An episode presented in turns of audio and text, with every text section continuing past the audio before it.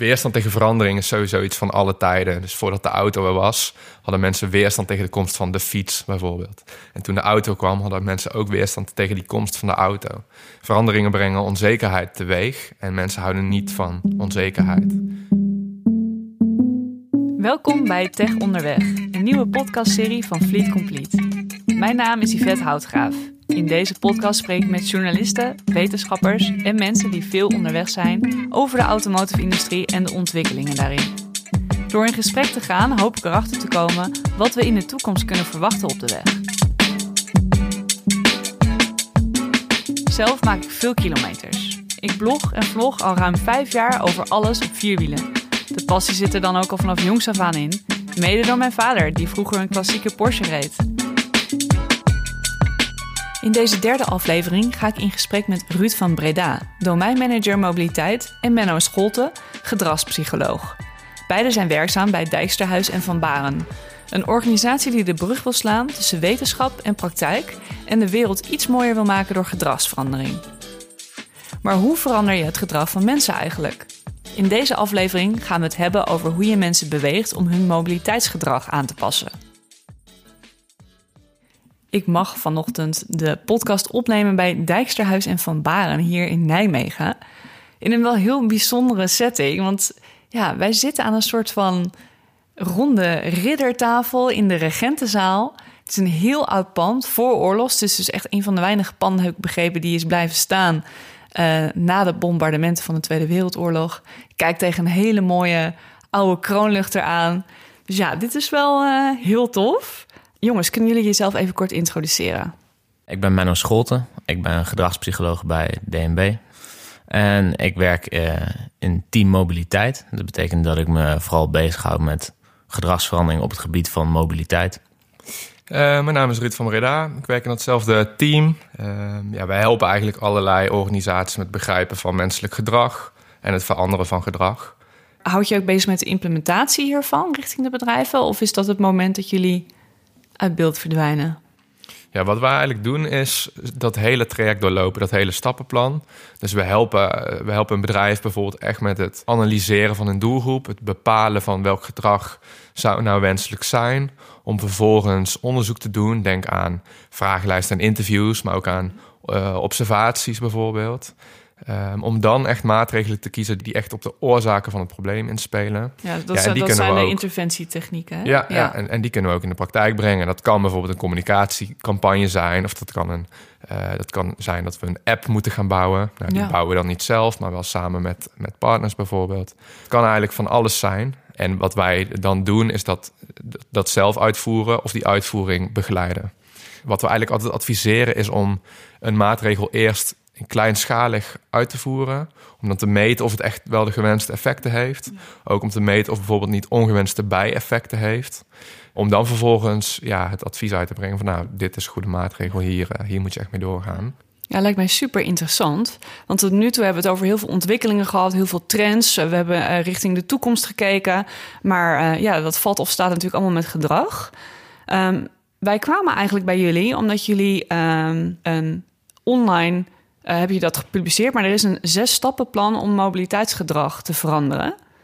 En ik was eigenlijk even benieuwd, wat is de aanleiding geweest voor dit stappenplan? Nou, dat stappenplan is eigenlijk een vertaling van uh, de werkwijze die wij sowieso hanteren.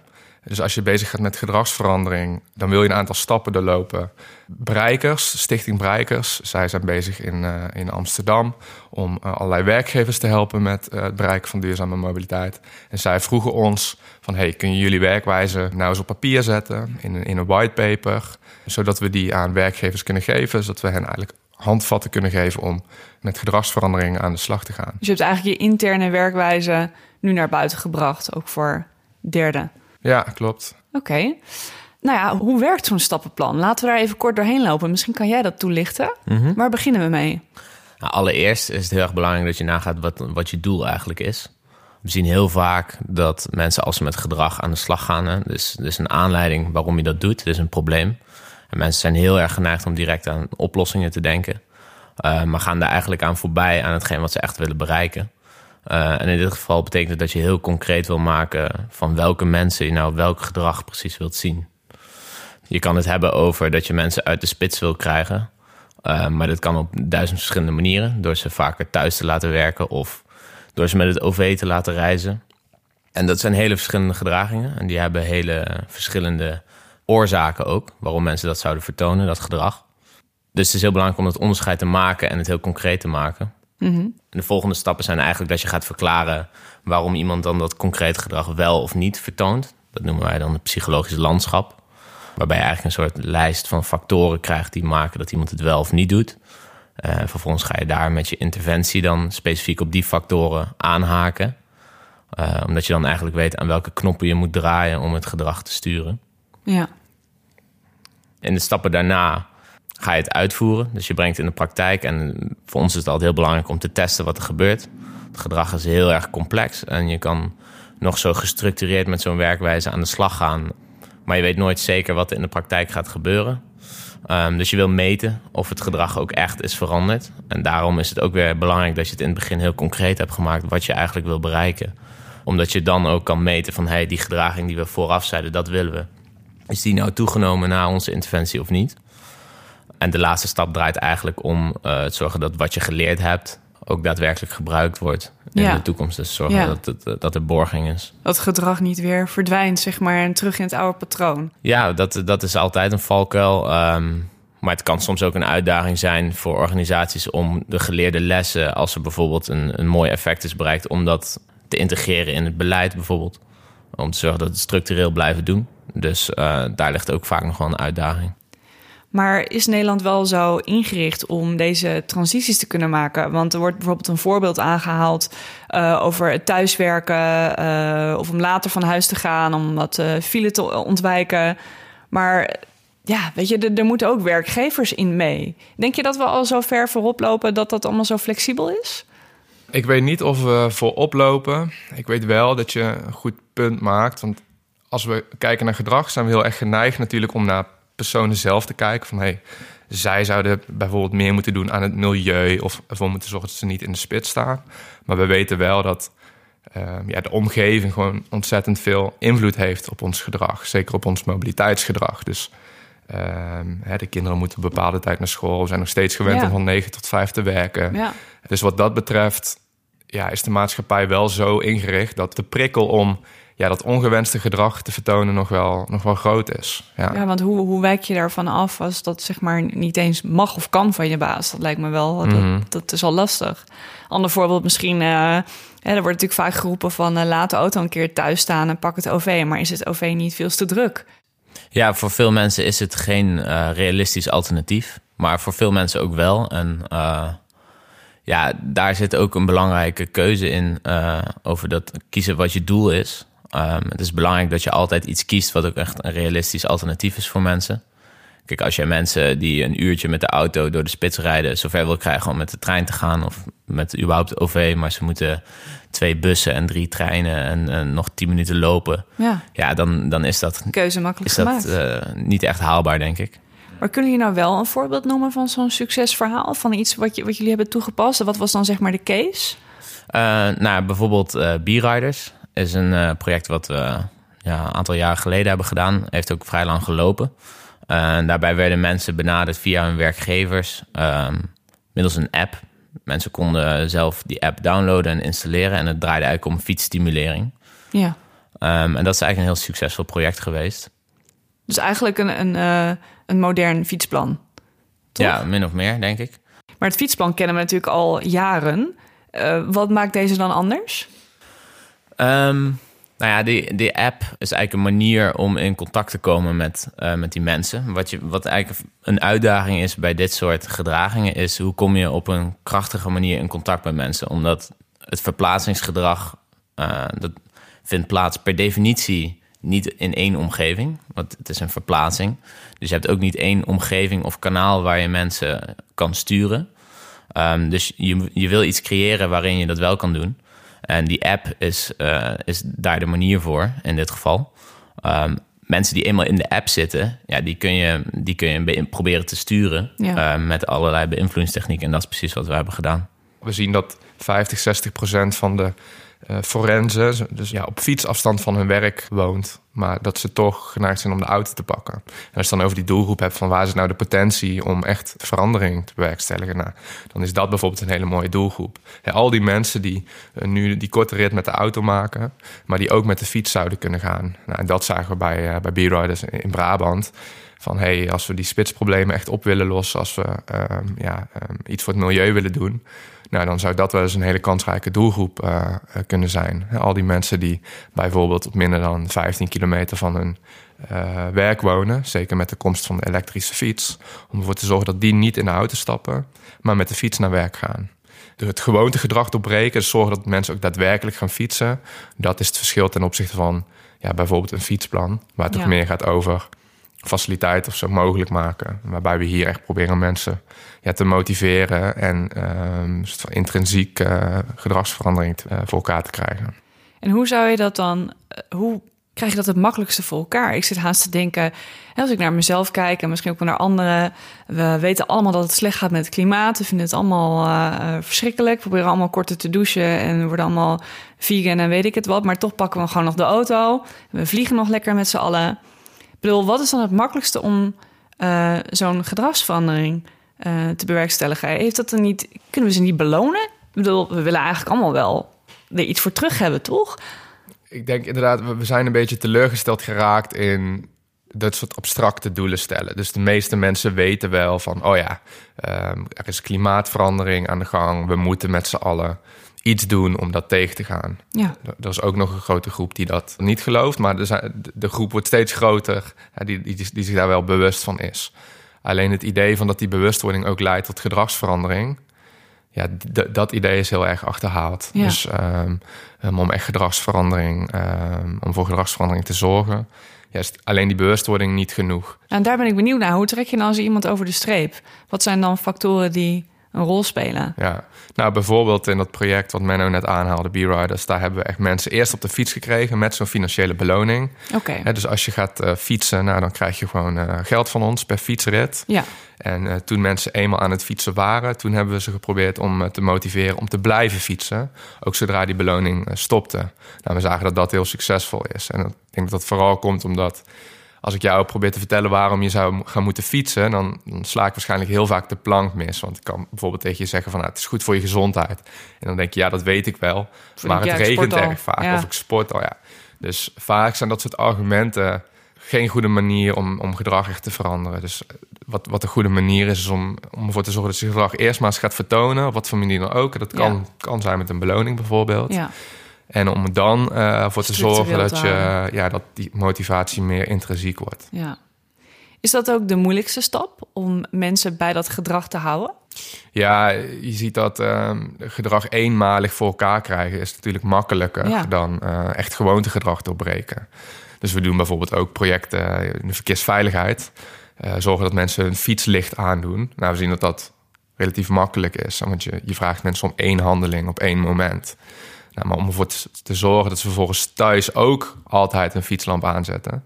Dat is dan weer moeilijker, want dan moet je in verschillende situaties. Uh, je hebt niet altijd het kanaal waarin je mensen bijvoorbeeld kan herinneren om die fietslamp aan te zetten. Nou, en ik denk zeker als het gaat om um, hoe je je verplaatst. Dat kan nog moeilijker zijn. Je kunt best wel mensen zover krijgen om een keer de auto te delen. Of om een keer met het OV te gaan, een keer met de fiets te gaan. Um, maar net zoals met onze goede voornemens, de, de, meeste stoppen volgens mij drie weken na 1 januari. Ja, ja korte duur. Dan gebeurt er iets hè, in je omgeving en dan val je weer terug in je oude gewoonte. Ja, dus, dus de uitdaging ligt hem wel echt in hoe zorg je er nou voor dat dat gedrag structureel verandert, dat dat langdurig verandert. Ik had nog wat andere hersenspinsels die ik uh, met jullie wilde bespreken. Uh, het elektrisch rijden is natuurlijk echt hot topic al enige tijd. Um, en ik merk eigenlijk nog best wel wat weerstand. Helemaal ook onder de autoliefhebbers. Um, waarom is dat zo? Waarom kraken we het elektrisch rijden nog zo af? Is het omdat het gewoon misschien te veel door onze strot wordt geduwd, dat het moet? Nou, dat, door de strot duwen, wat je noemt, dat is denk ik een, uh, een mogelijk een belangrijke factor. Um, we weten dat als, ook al willen mensen iets misschien wel, uh, maar op het moment dat het te dwingend wordt voorgesteld of opgelegd, uh, dan zetten we onze hakken in het zand Dat noemen we reactance. Dat komt doordat we als mensen een hele sterke behoefte hebben om uh, autonoom te zijn. Dus we willen zelf kiezen wat we doen. En ook al zijn we het ergens mee eens, maar als iemand ons eigenlijk een beetje probeert te dwingen of te manipuleren, dan voelen we daar weerstand tegen. Ja. En dan zetten we juist onze hakken in het zand. En hoe, hoe haal je die weerstand weg? Bijvoorbeeld door te erkennen is heel effectief. Door, door aan te geven van... hé, hey, ik weet dat het misschien vervelend voor je is... of ik weet dat je hier niet op zit te wachten... maar ik vraag je toch om dit te doen. Um, een andere hele elegante optie is door mensen zelf uh, keuzes te geven... binnen het scala aan wat, wat jij wil bereiken. Ja. Dus um, als je het over spitsmeiden hebt... dan kun je zeggen, nou, je moet met het OV gaan. Maar je kan ook aan mensen vragen of ze met de fiets... of met het OV zouden willen gaan... En uh, dan voelt het veel minder dwingend. Hebben mensen meer het gevoel dat ze zelf mogen beslissen. En voorkom je dus dat ze, dat ze die reactance ervaren. Dat ze hun hakken in het zand zetten. Ja. Ik denk dat het met elektrisch rijden ook wat te maken heeft met de hoge prijs nog van elektrisch rijden. Ik denk dat mensen ook het idee hebben dat uh, de, een beetje de elite nog wordt gesubsidieerd om elektrisch, elektrisch te rijden. Ja. Dat dat is niet het geval. Ze betalen in feite wat minder uh, belasting. Mm -hmm. uh, er is ook wel sceptisch of die nou terecht is of niet. Maar mensen hebben ook nog het idee van... oké, okay, die stroom die wordt nog steeds op een niet duurzame manier opgewekt. Ja, precies. En die batterijen moeten geproduceerd worden. Dus uiteindelijk heeft dat allemaal uh, geen zin. Het is gewoon weer een, uh, ja, een, een beetje een, een soort van marketingtruc. Dat soort, dat soort vormen van weerstand hebben mensen, hebben mensen ook. Denk je dat mensen überhaupt bang zijn voor verandering? Dat, dat je nu merkt dat we misschien echt een ander tijdperk ingaan... en dat de auto zoals de auto heel lang is geweest... misschien straks wel niet meer bestaat... en dat er daarom weerstand ontstaat? Ja, weerstand tegen verandering is sowieso iets van alle tijden. Dus voordat de auto er was, hadden mensen weerstand tegen de komst van de fiets bijvoorbeeld. En toen de auto kwam, hadden mensen ook weerstand tegen die komst van de auto. Veranderingen brengen onzekerheid teweeg en mensen houden niet van onzekerheid. We willen gewoon liever bij het oude blijven misschien. Ja, dat is fijner. Ja. ja. En zijn jullie al bezig geweest met bijvoorbeeld een plan rondom het autonoom rijden of semi-autonoom rijden? Want er komen natuurlijk ook steeds meer auto's op de markt die bepaalde uh, functies hebben waarbij assistenten het overnemen.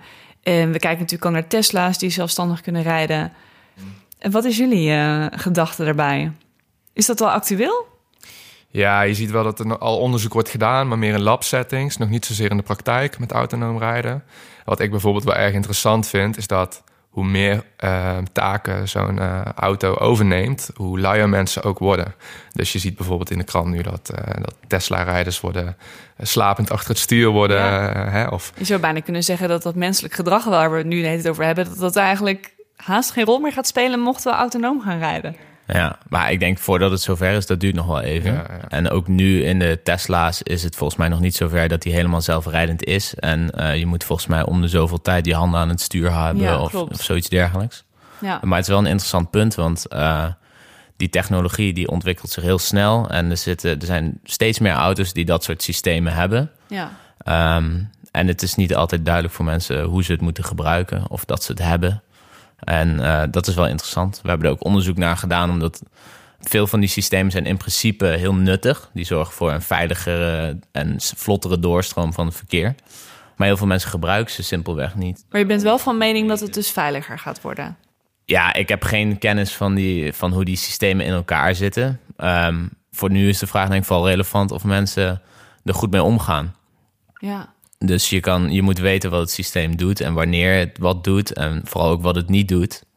En of ze het willen. Ik bedoel, ik, ik, uh, mij lijkt het verschrikkelijk als we straks niet meer zelf uh, iets te doen ja, hebben achter ja, het Veel stuur. mensen die het niet vertrouwen inderdaad, die Ja. dat gewoon Ja. niet willen. Ik denk dat er ook wel altijd nieuwe gedragsproblemen zullen opduiken. Dus bijvoorbeeld eh, compleet autonome auto's. Er is nu ook al een angst dat mensen ehm, dan ehm, die auto maar eindeloos rond gaan laten rijden. Eh, als je even bent uit eten, want dan hoef je hem niet te parkeren. En dat soort, dat soort dingen. Hoe mensen dan ehm, ja, gebruik gaan maken van die nieuwe, die nieuwe systemen. Wat we ook weer nieuwe problemen eh, op kan gaan leveren. Dus ik ben Mhm. niet zo bang dat we zonder werk komen te zitten eh, in, in binnen een korte tijd. Dat is ongoing. Ja. Ja. En hebben jullie zelf een beeld bij wat het ideale mobiliteitsbeleid zou moeten zijn? Ja, zoiets als een ideaal mobiliteitsbeleid is wel heel abstract. Ik denk dat, uiteindelijk gaat het natuurlijk over ehm, het bepalen van welk gedrag willen we nou eigenlijk zien dan in de maatschappij of bij, eh, bij je werknemers. Ehm, en om goed te kijken van waar zit dan de match, waar zit de, ehm, waar zitten de overeenkomsten met wat, wat de werknemers dan bijvoorbeeld willen of mensen in de maatschappij. In een notendop gaat het erover dat dat beleid ervoor zorgt dat uh, de drempels voor het gewenste gedrag zoveel mogelijk worden weggenomen. En dat, um, um, ja, dat gewenste gedrag ook zoveel mogelijk wordt gestimuleerd, wordt beloond bijvoorbeeld. En dat, dat is nu, nu nog, niet, nog niet altijd. Stel, ik wil als organisatie dat mijn medewerkers uh, duurzamer mobiliteitsgedrag gaan vertonen. Waar begin ik? Nou, allereerst is het heel belangrijk om te kijken naar jouw specifieke situatie. Er is niet uh, één oplossing voor, uh, voor elk bedrijf.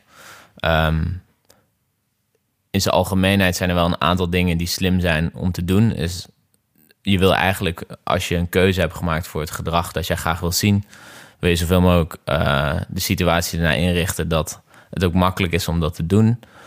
Een voorbeeld is bijvoorbeeld de financiële prikkels zo inrichten dat, uh, dat jouw gedrag aantrekkelijker wordt. En dat betekent niet dat je per se mensen geld moet gaan geven voor iets, maar uh, in ieder geval bijvoorbeeld zorgen dat de vergoeding voor het gebruik van de auto mensen niet te, te veel geld oplevert, bijvoorbeeld. En daarnaast is het denk ik, omdat dat reisgedrag zo'n sterk gewoond gedrag is, omdat je het zo vaak herhaalt, is het denk ik slim om uh, zoveel mogelijk in te zetten op dat mensen het een keer uitproberen. De optie die jij graag wil dat mensen kiezen. Ja. Ja, dus we zien bijvoorbeeld dat het heel erg effectief is om een probeeraanbod te organiseren. Zet een keer een elektrische fiets op de zaak neer, zodat mensen um, het kunnen ervaren uh, dat het fijn is. Ja, een soort vrij, vrijblijvend uitproberen. Ja, ja, ja. vaak werkt dat beter dan proberen te vertellen waarom ze eigenlijk zelf die beweging moeten gaan maken. Nou, heel interessant. Ik vond het echt heel interessant, heer. Ik denk dat jullie een hele leuke job hebben als ik het zo hoor. Heel dynamisch, om maar even in termen van uh, mobiliteit te blijven. Dankjewel. Ja.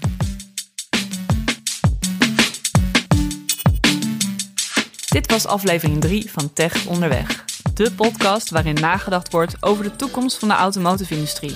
Een nieuwe podcastserie van Fleet Complete. Abonneer je vooral op deze show via iTunes en Spotify of jouw favoriete podcast-app en voel je vrij om een review achter te laten. Deze podcast werd geproduceerd door Volkert Koehoorn. Mijn naam is Yvette Houtgraaf en dit was Tech Onderweg. Je hoort mij weer in de volgende aflevering.